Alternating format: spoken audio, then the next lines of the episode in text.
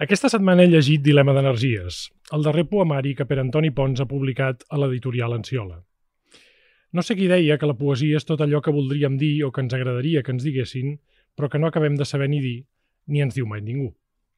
A mi aquest llibre d'en Pere Antoni m'ha interessat moltíssim perquè diu amb una gran bellesa moltes coses que a mi m'hauria agradat d'escriure i que em ballen sempre pel cap. Això és comprensible, potser perquè l'autor, més pràcticament coetani, viu també en una nació ocupada i intenta sobreviure de la lletra. Diria que Dilema d'Energies és l'examen implacable d'un home que ha passat als 40 i que, com diu ell mateix, mai no ha deixat de creure en els misteris, però que ara no vol saber què amaguen. I que reflexiona també sobre els grans aspectes de l'existència amb una deliciosa barreja de self-pity i vitalisme. Fill de Baudelaire i del simbolisme filtrat per Llatinoamèrica, intueixo que per la cita inicial i el passeig que clou amb el volum amb Leonard Cohen com a Virgili, el to d'aquests poemes s'acosta moltíssim a l'estètica d'Eliot o Larkin i a la voluntat d'ordenar el caos a través del dolor dels poetes yanquis que l'autor ha degut mamar i llegir bé des de jove. Per què s'ha d'escriure un poema? es pregunta l'autor, i respon, per la mateixa raó que els pallassos fan riure, caient, caient i plorant. En aquest dilema també hi he trobat una reflexió incessant sobre l'amor, sobretot en la incomoditat que s'experimenta en rebre'l d'una forma generosa, un neguit que sovint esdevé culpa. Diu l'autor en un dels versets més bèsties del text. Estam junts perquè l'amor és estrany o perquè vols protegir el món de mi. També hi ha l'estuacisme de qui entén que els somnis s'han de passar pel sedàs de la quotidianitat, o com diu ell mateix, que cor i dents vulguin el mateix. Avui parlaré amb els meus corresponsals poètics sobre aquest text magnífic, que m'ha fet gaudir i patir per igual. Un retrat dels homes del meu temps ben cru, com n'he llegit pocs. I que ningú no serri, aquest no és un llibre sobre el desengany, perquè per Antoni Pons ja ve desenganyat de casa. Diria que De la mà de Cohen és un llibre que fa les paus amb el joc poètic vital d'algú que sap que les promeses, per molt que no valguin res, s'han de complir, costi el que costi. Aquesta setmana he llegit Dilema d'Energies, de Pere Antoni Pons, però no ho he fet sol. Amb mi ho han fet els poetes Míriam Cano i Esteve Plantada. Soc en Bernat de Déu i sou a l'illa de Mayans, el podcast Dona Llibres. This is my island in the sun Where my people have toiled since time begun I may sail on many a sea Her shores will always be home to me Oh, island in the sun, built to me by my father's hand. All my days I will sing in praise of your forest waters, your shining sun.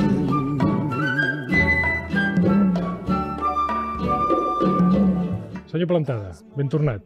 Moltes gràcies. Senyora Cano, com estàs? Què tal? Pere Antoni, benvingut a la meva illa. Moltes gràcies per convidar-me. Jo et volia preguntar, i potser ens servirà de, de pòrtic a, a discutir una mica sobre, sobre aquest llibre, parlar de l'aspecte formal, eh? perquè és un llibre amb una gran riquesa, primer el comences amb poemes més estrictes, després transites cap a la prosa, després toques també la cançó. És un, és un llibre que pretén respondre dues preguntes, fins a quin punt un text pot suportar la trajoneïtat formal i fins a quin punt un home pot suportar la tensió de les contradiccions i d'alguna manera la diversitat formal va de la mà de la diversitat d'actituds, de textures, de visions del món, de sentiments, de dilemes incompatibles, de desig que no pots conjuntar. Vull dir, és una manera de mostrar una espècie de, de violència que tu aconsegueixes que lligui, que faci sentit, no? Vull dir, jo si explic una experiència humana que és molt contrastada, que és molt contradictòria, que és molt esquinçadora, jo això necessito explicar-ho amb una forma que també encarni aquest esquinçament, no? I la manera de mostrar-ho és oh, d'encarnar de, de, formalment aquest esquinçament és poemes, poemes en vers, poemes en prosa, cançons, poemes breus, poemes llargs, poemes abstractes, poemes molt més sensuals i concrets, poemes ideològics. Jo crec que la literatura és com la vida, no? Vull dir, ha de ser com més acumulativa, multiplicadora, plena, abundant i diversa millor Vull dir, la vida és tot això i de la literatura ha de ser això també, no? A mi, eh, Esteve Míriam, m'ha semblat un llibre dolorós, potser perquè parla de moltes coses i tu que ets coetani meu, Esteve, potser també les has pensat. No sé si has tingut aquesta situació d'un llibre que se, se t'adreça a un nivell molt personal, a banda de poètic. Sí, bueno, parlem a dos nivells, perquè se t'adreça, però també eh, llegeixes el jo poètic que s'adreça a ell mateix, no? I aquí crec que hi ha la, la, la, la, el major punt de duresa, no? Quan eh, veus que, que, que, que s'està interpel·lant ell mateix i d'una manera tan crua, tan dura, abans ho deies, no? Jo, mm, hi ha, mm, bueno, és només el primer poema, no? El, el pòrtic, la, la porta d'entrada del llibre, que és aquest autorretrat als 40, que és un poema que ja que havia llegit abans, no? Perquè el vas fer... El poeta vas, de guàrdia. el poeta de guàrdia. I jo me'n recordo molt d'aquest poema perquè vaig dir, ostres, quina cosa, no? Era un... Era Sí, sí, va, va funcionar bastant per tu. Va funcionar molt, de fet va ser dels que més, del poeta de van- guàrdia. Van vir no sé quant de milers de persones. el I realment era molt dur, era molt cru, no? Jo amb això em- sempre, vull dir, ara tothom m'ho diu, no? Clar, eh, parlava de diversitat actitudinal i de visió del món. Clar, aquí hi ha autocelebració, però també hi ha un- una fúria autopunitiva. Sempre dic el mateix, quan tens 20 anys i tu te sents fràgil i insegur, necessites autoafirmar-te. I t'autoafirmes fent un poemes unívocament vitalistes, unívocament celebradors, perquè dubtes massa, ets massa insegur, necessites complementar allò. Jo ara en 40 anys ja me sent prou fort com per fotre'm canya, saps? Vull dir, ja me puc maltractar perquè m'aguantaré. Vull dir, m'aguantaré i a més me la meresc. Tothom se mereix que li donin una pallissa, no? Tothom se mereix que, que li, li treguin els pedaços bruts, que li furguin els racons foscos. Tots en tenim. Bueno, jo me sent prou fort com per fer-ho i tenia ganes de fer-ho i, i me sent prou fort com per tractar-me amb sarcasme, per tractar-me amb duresa, per menysprear-me, però tot això no d'una manera, oh, pobret, autopunitiva, lànguida, no, no, tot això complementat amb molt de vitalisme, amb molta fúria autoafirmativa i amb molta energia, perquè jo fins i tot, quan escric poemes melancòlics, quan escric poemes durs, crec que de fons sempre hi ha una vitalitat. Vull dir, una vitalitat com a desesperada. És una vitalitat que de vegades és lluminosa i de vegades és fosca, però la vitalitat sempre hi és, no? Ab- Abans li dèiem per Antoni Míriam que aquest era un llibre per homes, perquè, perquè jo, l'he- jo l'he vist, eh, vaja, jo l'he vist un, un llibre, eh, aquesta, aquesta fúria que deia ara en per Antoni, trobo que és una fúria sovint molt masculina, potser és una, una misconception meva, i potser... Jo no parlaria de fúria, eh? Mhm. A mi, jo potser em fa l'efecte, vist des de fora, com una dona, que arriba un moment que els homes, que heu sigut eh, durant 39 anys eh, força horribles, no? de cop i volta és com si, si us quedéssiu aturats i llavors baixa la testosterona i allò té un punt d'epifania, no? d'il·luminació, de debò. I a mi em sembla un, un poemari en aquesta aturada, no? de dir, bé, uh, sóc aquí, tota la meva vida és, ja és com ha de ser, ja he fet, no? ja he corregut, ja he anat amunt, ja he anat avall, i de cop i volta m'aturo i em miro, no? I em miro des d'aquesta, des de, justament des de fora de la fúria. És a dir, jo, a mi no m'ha semblat un poemari furiós, al contrari, m'ha semblat un Moments poemari... furiosos, Sí. diria. El que passa que no m'ha semblat en general un llibre mm, arrauxat, no? És més Sí, perquè aviat és un una... llibre que també parla de, de la Exacte. generositat de l'amor, de, de, de les contradiccions de Sí, sí, rebre... sí. de la gratitud de de la l'amor. Vull dir que, que la felicitat és, és ser agraït eh, per les coses bones i l'amor que et dona. De totes maneres, jo ara, eh, el que diu na, na Míriam, crec que té raó en part i tal, vull dir, és vera, però jo no distingiria gaire entre homes i dones, en realitat. Eh? Vull dir, eh, les dones també estan plenes d'esquinçaments i, de, i de culpes i de mala consciència i de racons El foscos. que passa que no sé si els hi arriba la maduresa tan tard com nosaltres. Arriba diferent, crec, eh? Jo tot just ara n'he fet 40. A mi com a dona m'ar- m'arriba una altra cosa. Uh, justament, jo crec que a les dones als 40 ens arriba aquesta fúria. Perquè Eh, això- ja estem això cansades d'aguantar, Això és possible. I en canvi, els, jo crec que en els homes, és la meva experiència, eh? passa a la inversa. Jo aquí hi veig molt, molta reflexió reposada, no, no hi veig una, unes ganes de, de, de cridar. Sí, sí que és cert que, que hi ha un sentiment de- d'afirmació, però que també hi ha... Tu mateix et veus, per exemple, contemplant la- els teus fills, contemplant Sí, escenes és que hi que fora de la poesia semblarien escenes molt del quotidià, com uns nanos en una piscina, però que les integres en, aqu en aquest estoicisme vital, deia jo. No? No, però és que fins i tot això tornem a lo que deia abans de l'heterogeneïtat de tot. Vull dir, aquí hi ha des d'escenes domèstiques molt felices fins a records de festes molt arrauxades, fins a un comentari polític que perfectament podria ser una frase d'un article periodístic. Això, un, un que ho va explicar molt bé va ser Miquel Àngel Lleuger, que és un magnífic poeta i traductor. Jo vaig, vaig fer tres llibres de poemes entre els 19 i els 27 anys. Jo volia ser poeta i només, només llegia poesia, bàsicament, i, feia, i escrivia poemes, no? I amb 27 anys me va pegar com una espècie de crisi i vaig dir, no vull ser només poeta. I me vaig com a sacrificar com a poeta i vaig intentar reinventar-me com a novel·lista i com a periodista. I vaig escriure tres novel·les i vaig fer moltíssim de periodisme. Vaig estar vuit anys, no és que no llegís poesia, és que directament trobava que era un gènere menor o un gènere obsolet fins que, escat de 8 anys, evidentment la poesia no és un gènere menor ni un gènere obsolet, m'hi vaig reconciliar i vaig tornar a fer-ne. I vaig fer un primer llibre. I en Miquel Àngel Lleuger va fer una reflexió molt interessant, que és que jo, com a tio que escriu poemes, però que més fa periodisme, a més fa novel·la, a més comenta de mil i un temes en els seus articles, podria haver decidit que la meva poesia seria una espècie de reducte íntim, essencial, en què tot això en quedés esclòs. Un punt de fuga, sí, sí. Un punt, un punt de, fuga. de fuga, un punt això, aquell racó íntim, en penombra, on parles de coses molt delicades, molt pròpies, molt íntimes. Jo vaig decidir que no vaig decidir que la meva poesia incorporaria tot allò que havia incorporat intel·lectualment i vitalment. I, per tant, a la meva poesia hi ha coses que poden ser periodístiques, hi ha coses que poden ser sagístiques... Parla, hi ha, parles de l'estat del país, per hi ha exemple. política, hi ha art, hi ha, evidentment, reflexió personal, però la meva reflexió personal també hi ha moltes vegades voluntat que també sigui reflexió generacional, no? Ja sé que les generacions no són monolítiques, però, però aquesta idea, una altra vegada, no? Multipliquem, assumim, incorporem, que tot sigui abundant, que tot sigui abundant, perquè la vida és abundant. Jo vull que si la vida és abundant, la meva literatura sigui abundant. No? Jo, jo crec que som abundant, eh? jo tinc molta gana. Un tio que té molta gana, ho vull tot, m'agrada tot, m'interessa tot. I això volia que en els meus, en els meus poemes eh, se notàs i crec que se nota. No sé si, si li ha passat als companys, per això jo parlava d'un llibre que té, per mi té una sensibilitat molt yanqui. Hi ha una mística en aquest, en aquest autoodi, però en, aquesta, en aquest estimar les coses més quotidianes molt dels poetes americans. Aquí hi ha Whitman, aquí hi ha Eliot, aquí hi ha Larkins, no? És un desafiament continu, a més no hi ha indulgència en cap moment, no? Ja, ara estaves parlant d'això de... No sé si has dit ambició, no? Però hi ha aquest poema breu que es diu Plans, que diu el deliri de tot, la trampa de tot, la fugacitat de tot i els desig i l'ambició, plans de fuga de la por. Abans hi ha un que, que també ara em feies pensar, el dins de la cova. Dins la cova hi ha dies que només pots sobreviure'ls amagats dins la cova de l'orgull, alimentant-te de sobres fent globs culpables i pausats d'una botella plena d'aigua infecta o d'enveja espessa. Ostres, són, abans ho deia, no? Són aquests retrats, no? Sense però indulgència. Són, són implacables, però jo, jo, jo amb això estic amb la Míriam i penso que el que ha dit és molt intel·ligent. És un orgull que reconcilia a si mateix des de la pau. Bé, hi ha una saviesa, penso. És a dir, ara tu, per exemple, et referies a l'Arkin, no?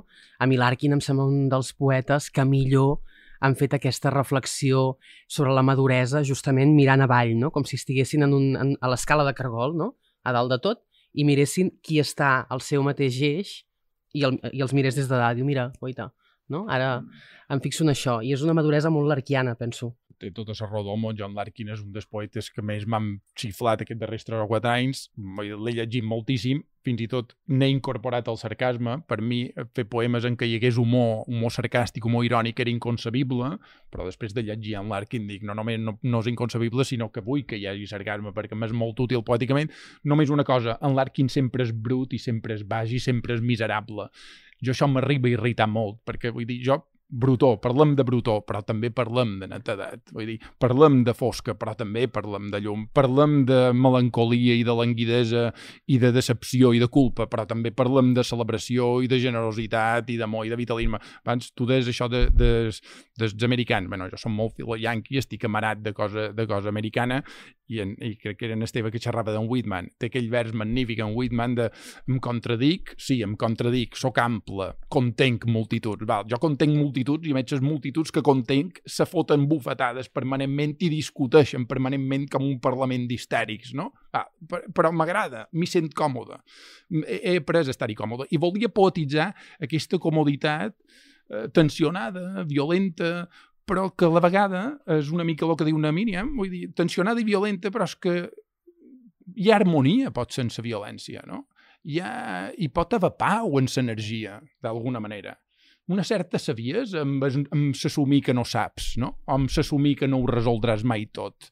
Hi ha una certa savies en això, jo crec. I això sí que t'ho dona, un, dona sedat. De totes maneres, jo cada vegada crec manco amb aquella idea de no arribar a una etapa de la vida en què culminam... No, la vida és un anar avant i enrere, un pujar i baixar, un aprendre i desaprendre, i això també volia poetitzar-ho d'alguna manera, no? Està molt, molt bé com a mesura que avança el poemari et desarmes o t'armes desarmant-te o et desarmes armant-te, no? És, jo diria que la contradicció d'aquest poemari és aquesta, és a dir, com més dur ets amb tu mateix, també ets més indulgent amb tu mateix, perquè, perquè acceptes també que la feblesa forma part de la teva fortalesa, in my end is my beginning, etc etc. no? I això que dius aplicat també als altres, vull dir, com més dur som amb els altres, també som, més indulgents som amb els altres, perquè clar, aquí deim que m'autofustigo molt, o la persona poètica s'autofustiga molt, però la quantitat de bufetades que reparteix arreu, en aquells, no en aquells que l'envolten, però sí en el món en què vius, que hi ha poemes, per exemple, molt, molt polítics i són, tenen una visió entre apocalíptica i fatalista de la política, no? Vull dir, la política i de la realitat mallorquina, catalana, espanyola i fins i tot europea. bueno, però a la vegada hi ha aquesta espècie de comprensió de dir eh, la fatalitat no deixa de ser una forma, assumir la fatalitat no deixa de ser una forma de lucidesa, perquè al final les coses sempre acaben com acaben, no? En una banda de, de tota que el, el llibre hi ha aquesta reflexió. A banda, no hem parlat encara de l'amor, que també és una de les Sí, parts sí, importants, claus, i arribarà, no? Però sí que hi ha aquesta, aquest diàleg, reflexió, posada, de, presa de consciència amb, amb, el, amb el paper de l'artista, també. Mm. Encara, de fet, ja n'estàvem parlant no? una mica, però hi ha aquest, el poema de les benaventurances, Mm. Que és com aquesta repassada no? a, a benaventurats artistes que tenen impaciència però no tenen pressa. Bé, i va fent És tota la... programàtic, és un Clar. poema programàtic. Gairebé. Exactament, no? Vull dir, a més a més que eh, denota molt també des de des d'on escrius, des d'on t'adreces al món, no? I fins i tot hi ha un moment que també és com una declaració de principis de dir benaventurats aquells que fracassen i s'ofenen quan els consolen, no? Perquè, clar, vull dir, si tu fracasses i, i te volen consolar, és com treure importància en el fracàs, no? Els fracassos també són importants, no? Igual que les coses dolentes, vull dir, tot és important, tot és útil. Aquest és un dels avantatges, jo crec, de- d'escriure, de tenir una vocació literària. Tot acaba sent significatiu perquè tot és literaturitzable, no? Moltes vegades ho penso, si no escrivís, la meva vida seria... Sempre dic el mateix, la meva família, els meus fills, me donen la felicitat, però el que fa que la meva vida tingui sentit és la literatura. Mira, ara que dius això, em perdoneu, el... abans parlaves d'aquesta trajectòria teva, no? on vas començar eh, fent poesia, vas abandonar, no vas llegir Mhm. llibres. Tu em parlaves fa uns mesos de que havies perdut la fe en la poesia, Sí, però no ens has explicat per... què et va fer tornar a tenir fe en la poesia. ara aquí hi hauria una resposta molt prosaica que seria el, el fracàs de la meva tercera novel·la, que, que, que de dir, mira, ara he provat el gènere de la novel·la i he acabat barallant-me amb el gènere i me n'he de distanciar, i l'altre no ho sé, hi ha una espècie de retorn. Jo crec que va, va haver-hi. Jo vaig tornar a escriure poemes el 2015 i n'havia deixat d'escriure el maig del 2007. O sigui, vaig estar vuit anys en què literalment no vaig escriure ni un sol poema, no? I durant aquests vuit anys jo tenia una sèrie d'episodis vitals i d'idees morals i d'emocions que sempre pensava que algun dia les convertiria en literatura i me plantejava de bé, algun dia les posaràs en, com a escena en una novel·la o faràs un dietari i les recuperaràs com a part de la memòria, faràs un article i no sé com va ser que una de, un d'aquests episodis se va convertir en un poema. I dic, ostres, tio, no t'ho havies plantejat mai? I en realitat pot ser el més natural, no? Vull dir, tu vares començar llegint poema. I després d'aquell primer episodi que vaig convertir en poema, em va venir un altre, i després un altre. I surten eh, el llibre Aquí on passa tot, que va sortir publicat el 2017. I d'alguna manera allò m'hi va reconciliar. I supos que quan vaig veure que en poesia podia utilitzar totes les armes i tot el bagatge que havia anat acumulant, vaig dir, i per què no? A més, clar, jo, una cosa que me feia por és aquesta idea, no, és que la poesia és un gènere que exigeix que ho sacrifiquis tot per dedicar-t'hi en exclusiva. Eh, jo professionalment no me puc dedicar en exclusiva a fer poemes, no? Quan vaig veure que podia compaginar, escriure un poema, en fer tres articles, fer dues ressenyes, començar a preparar esbossos per una futura novel·la, dic, idò, I fer tuits, perquè també ets un fer, tuitaire. fer tuits, fer tuits, sempre, sempre dic, i, i, i, molta, i molta gent se'n riu, dic, el meu gran error professional va ser fer-me Twitter el 2017 fatal, fatal. i no el 2009. No, no, me l'hauria d'haver fet el 2009. M'hauria Seríem, sortit... seríem independents. No, no, no seríem independents perquè, perquè no depèn de Twitter, sinó de, sinó d'una vist. cosa que no existeix, que és el coratge a, a la política catalana o nostrada, Però, però sí, sí, sí, també faig tuits. També són literatura. Oh, tant. El que jo no sé és com, eh, amb la presència continuada del, del tuit de, dels nostres escriptors a Twitter, tenen temps de fer novel·les. No, perquè els, els, Perquè hi, ha, hi ha dies que pràcticament... els tuits s'escriuen sols. Jo sempre dit el mateix. Estàs allà escrivint a l'ordinador. Jo els tuits podria escriure en 45 cada dia. Me n'he de reprimir, me n'he de reprimir, però, perquè s'escriuen tots sols. Te surten dels dits, no? Són bueno, o també són versos, no? En certa manera. En certa manera. Poden Es, ser-ho. escolteu, no parlem de Twitter perquè a més últimament, últimament està Acabarem, bastant, acabarem malament. T'ha faltat la part del Twitter. Eh? està, Exacte. No, el que està bastant enfangat, però par- parlem de l'amor, que abans l'Esteve deia que era un dels, dels grans temes de- d'aquest llibre. Jo eh, hi he vist, no, no, no sé, Míriam, si penses igual, ja, jo diria que en aquest procés que tu dius de, de pacificació amb el, amb el propi jo, eh, que arriba, no, sa- no sabem si amb l'edat, però eh, els homes eh, ens acostuma a arribar a la, nel mezzo del camí de la vida, L'amor hi té un paper molt, molt interessant perquè l'amor, aquí jo diria que està escrit com una cosa que et despulla, perquè en certes eh, ocasions el poeta no sap una mica com agrair tanta generositat que tenen amb ell i perquè per una mica com a producte d'aquest autoodi. No? Si jo sóc així, a vegades en un poema ara l'estava buscant, diu, som molt dolent, no? Soc molt dolent, com pot ser que la gent m'estimi a mi? Però l'altra banda també és un moment de realització perquè li permet també fer un exercici de retorn als altres. Però justament, de, de nou, eh, jo insisteixo en aquesta aturada, que de cop i volta també, no? quan t'atures de córrer, no sé quina edat tenen les teves criatures, però entenc que heu arribat, heu arribat a aquell punt d'autonomia ja, no? de, de que de cop i volta et trobes allà amb aquella persona i dius, ostres, encara ens estimem, encara vivim junts, no? Com pot ser que, que aquesta persona encara m'estimi, jo l'estimi amb ella? I jo crec que aquesta estranyesa està molt ben explicada al llibre, no? I justament, de nou, ve, ve de l'aturada aquesta, no? De dir, ostres, mira, hem fet tot això i mm, no és un lloc, no és un lloc de... Um, no és que sigui, de, no, no és desagradable, però és, és un lloc estrany, és un lloc de, de cop i volta... No, és que és un lloc on, on el subjecte no? perd el poder, perquè Sí. clar, te n'adones que no tot depèn de tu, però que també molta part de, de, del que pots fer depèn Però de tu. no és un, no, crec que no és un d'aquells poemaris en què l'amor s'expressa des d'aquest lloc de comoditat absoluta, de mira que bé, fins on hem arribat, etc etc. Al contrari, és un lloc d'estranyesa. Sí, com pot ser que Sí. passi? Tens, tens tota la raó. Sí, home, no, M'ho no, mereixo? No, no, Sí. sí, és, Sí, bueno, sí, sí. però és que això, si ets una mica autoexigent i no ets cofoi, jo crec que és una pregunta que de tant en tant mos hem d'anar fent. Vull dir, me mereix que me passin aquestes coses bones i l'ideal de respondre sí, però tu, en conseqüència, per començar com a mínim, sigues agraït, no? Vull dir, jo, jo, vaig tenir una adolescència terrible, no entrarem en detalls, però això també de plena de desordre i de fúria i tal. I quan vaig començar a arreglar-me, amb 20 anys, va ser relativament aviat, va ser en part quan vaig començar a veure que era importantíssim agrair l'amor d'aquells que t'estimaven. Vull dir, l'adolescent que fa? Està enfadat amb el món i com que no pot atacar el món, perquè el món és immens, ataca aquells que té de vora, que són els que l'estimen, no? I això encara li genera com a més malestar, més mala consciència. Quan te reconcilies? Quan dius, bueno, idò, aniré contra el món, encara que perdi, perquè el món el detesto, però aquells que m'estimen i me tracten bé, jo els estimaré. I això te dona una pau d'esperit, que de- evidentment no sempre compleixes, no sempre estàs a l'altura de, que hauries d'estar, però mai no estem sempre a l'altura de lo que hauríem d'estar. I aquí és quan te castigues o te, o te retreus o te critiques i la crítica serveix per examinar-te durament, però a la vegada per recordar-te, eh, torna a pujar cap amunt, saps? Vull dir, i tot això que estan dient, clar, eh, s'ha d'anar alerta perquè mm, jo el que no vull és fer poemes allisonadors, fer poemes eslògan, no, jo el que vull és poemitzar determinades experiències, determinats desigs incompatibles, determinats destins que pareix que s'anulen una a l'altra però que en realitat potser se complementen, no? I tot fet això, evitant l'eslògan, evitant la lliçoneta, evitant la moralineta de fons de, oh, ara mira, ara t'he explicat... Fem- fem moral sense moralismes, no? Sí, vull dir, jo crec que té una dimensió moral. Jo som un escriptor refotudament moral. Sempre hi ha un fons No, moral almenys en el com que els faig. poetes americans. Com dir, els poetes americans, com el Ferreter, que va mamar moltíssim dels poetes americans, no? Vull dir, però una cosa és Clar, que hi hagi... nosaltres hem de fer això sense tenir un exèrcit al darrere. I no estic frivolitzant, és a dir, a nosaltres quan se'ns escapa la moralina, a vegades pensem que és més cursi que la dels poetes americans, perquè clar, ells tenen aquell imaginari, és a dir, tenir self-pity quan tens un exèrcit darrere és molt més fàcil. Quan nosaltres tenim self-pity, és que clar, ja som, ja som d'una tribu prou trista que si a sobre, si a sobre ens torturem, penses, hòstia... Tu, Ja... tu dius self-pity, no sé si seria més self-derogatory, saps? Per exemple. Això que de, de, de pam, pam, pam, però, però fet amb, eh, d'una manera vivificadora, saps? Vull dir, jo crec que la crítica vivifica, l'autocrítica vivifica, si se fa bé i si s'assumeix bé. I un dels problemes de la política d'ara quin és? O que no hi ha crítica o que la crítica no s'assumeix bé.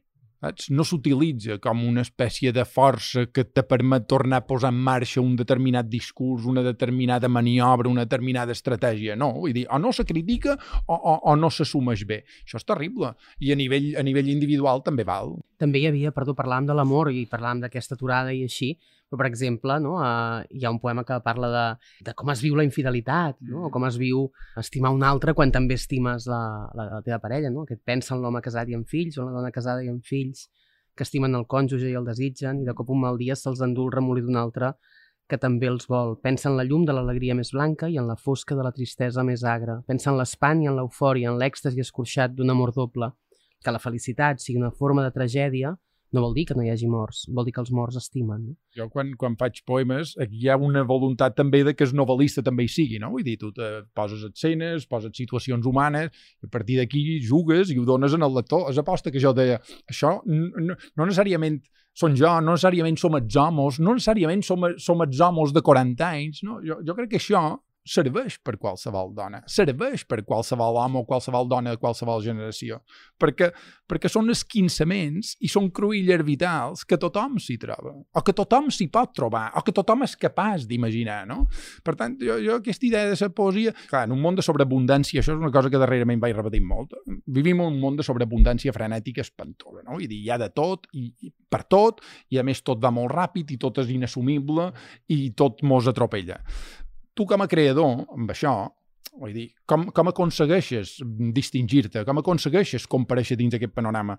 Clar, qui és ambiciós dir, no, fer coses genials, ser un prodigi, bé, això no ho sabem, això de ser genial o ser un prodigi, no sabem exactament què vol dir. Tu com a creador has de fer coses bones i personals però personal vol dir de no només coses que m'han passat, sinó coses que jo veig al món, el digeresc a través de jo i l'escup a través de jo d'una manera que només jo puc escopir-lo així, saps? Vull dir, aquesta visió personal única, pròpia, que, que cadascú té. Això també m'he provat de fer diria per, per resumir un, vaja, de les moltes que, coses que hem dit que, que aquest és un llibre d'aprenentatge i a més a mi em va fer molta gràcia el poema que es titula així sí. perquè parlant de moral i parlant de conclusions que dona l'edat és que concentra moltes de les coses que, Clar, que estava comentant ara per això, per això m'ha vingut al cap diu, diu de jove, pràcticament és un aforisme eh? pràcticament sí, sí, sí. podria ser un tuit mira, no? no, no, no, mira inicialment era un aforisme Veus? i el vaig convertir en poema Veus? canviant és... dues altres paraules això és que a l'Illa de Mayans encara llegim una mica bé perquè diu de jove tendeixes a fer públiques les malifetes, exhibir els mals vicis, afatxandejar provocativament de les pròpies bogeries i brutors. D'adult, després d'anys de propòsits d'esmena infructuosos i d'autocorreccions fallides, calles com un puta i confies que un vel de secrets ho taparà tot. Sí, i aquí, aquí de nou hi trobam un sentit de l'humor. Vull dir, jo fer aquest poema amb 22 anys me semblava inconcebible calles com un puta, aquest toquet de broma de, de barra de bar, però això no, no, no li pertoca un llibre de poemes vàlid. Ara m'agrada aquest to d'ironia, de, de conyeta, de, de complicitat. Uh, jo deia que era un llibre per homes de 40 anys, però evidentment és un llibre per tothom i us recomano que llegiu molt el, el Dilema d'Energies, però Pere Antoni, no volia deixar passar l'ocasió, ja que tenim aquí en una de les moltes visites que fas a, Barcelona des de la teva illa, perquè comentéssim una mica, encara que sigui, eh, que ens en féssim eh, alguna pinzellada d'aquesta antologia uh, Míriam Esteve Preciosa d'en Bartomeu Rosselló Porcel, que ha sortit a Editorial Barsino. Comença amb Pere Antoni dient que el, el seu pare li deia una cosa molt bonica, que és que, que morís tan jove Uh, en Bartomeu és una de les grans desgràcies de la literatura catalana. Clar, jo havia llegit el, uh, Rosselló Porcel, és una lectura que tots tenim escolar, no? Però tornar als poemes de la imitació de, de Foc, sobretot, és, és una passada. No? És jo diria que és un dels grans poetes de la nostra tradició. Sí, i això dona la mesura de, de com era de necessari no? fer el llibre aquest. La col·lecció, abans parlaves de la col·lecció, és una, no sé, és una petita joia no? que tenim com a, com a país literari, no? que, que s'estigui fent això amb aquesta qualitat, bueno, ja veieu el format, és fantàstic, no? I que, a més a més, eh, eh intentin recuperar no? la vàlua de, del moment històric, del context del poema, també gràcies a, a autors que contextualitzen això, no? I el, el Pere Antoni, qui s'ha encarregat de fer la, la introducció, aquesta repassada, no? I és el que tu dius, eh, la imitació del foc és encara un d'aquells llibres no? que uf, Sí, sí, un que... gran llibre. Suposo que els, els poetes l'heu ametrallat, a més a més, que és el que s'ha de fer amb els bons sí, i... llibres, no? Sí, a mi, a mi amb, amb, amb Rosselló Porcel em, em passa una cosa molt física. Els seus poemes em generen una reacció física, com de canvi de rasant, quan vas en cotxe, que tens aquell petit moment de... que et puja, no? que et puja una mica l'estómac, perquè jo crec que precisament uh, pel fet que, que era molt jove, no? Quan, quan va escriure, hi ha una cosa també molt física en els seus poemes, no? Hi ha una cosa que, que crec que fins i tot es, es pot tocar. I la llàstima, penso, és que justament com que tu dius lectura escolar, però... De batxillerat, podríem sí, dir, més però, que escolar. Sí. Però vaja, és un poema, no? És a dir, tothom té el cap al mateix poema, tothom l'utilitza uh, sempre per fer postals, per fer...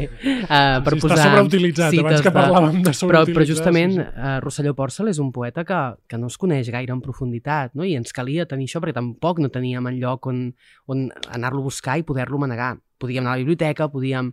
però ens calia no? aquesta Clar, que la gràcia d'aquesta antologia, per Antoni, és que hi ha... Els... poesia completa. Clar, aquesta Sí. poesia, clar. perdó, aquesta, Sí, sí, aquesta sí. poesia completa és que hi ha els dos llibres anteriors, que són dos llibres que pràcticament eren inconeguts per la major part del públic, i després una cosa que ara té, té a veure amb el que dèieu, és que tu poses el Rosselló Porcel en relació al seu temps, és a dir, a un, a un, eh, a- potser per un prejudici escolar només el teníem, i ens passen molt els autors mallorquins, com un autor que és producte de l'illa, com si la vostra illa fos una presó, però tu el poses en relació amb l'Omar, en relació amb tots els eh, autors espanyols que coneix, amb un Amuno, fins i tot, a través de l'acadèmia. S'ha de dir que el, el Rosselló va morir molt jove i només té tres llibres, però és un autor que té molta bibliografia sobre ella. Vull dir, hi ha hagut gent que l'ha estudiat molt i jo aquesta bibliografia l'he llegit a fons, l'he assumida i la reconec. Per tant, vull dir, que quedi clar que jo estic en deute amb molts d'hermeneutes que m'han precedit. I jo, jo Rosselló sempre dic que té, té una doble aura, que és la, doble aura des, des geni que mor jove. Clar, I això eh, el marca. Després, imitació del foc. Clar, ell va morir molt jove, 24-25 anys.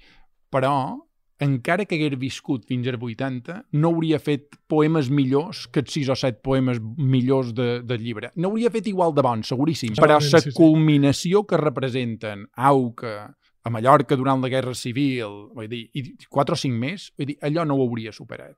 I abans Míriam deia una cosa molt física. Eh, Jo crec que en Rosselló té el que tenen els grans poetes moderns, que és eh, el que dèiem abans d'aquesta espècie de multiplicitat assumida, de diversitat naturalitzada. No? Ell agafa coses de simbolistes, postsimbolistes, avantguardes, neopopularisme, cosetes d'escola mallorquina, coses de la tradició més clàssica. Tot això en fa un pupurri i ho converteix en un llibre que és imitació del foc. Té poemes després molt conceptuals, amb el barroc, també amb el barroc. Té poemes molt conceptuals i després en té que són sensualíssims. Eh, en té que són eh, eh, molt elevats sobre eh, un joc de símbols i de correspondències quasi impenetrable i després en té que són una descripció durant 12 versos de la mà o d'una cortina. Eh?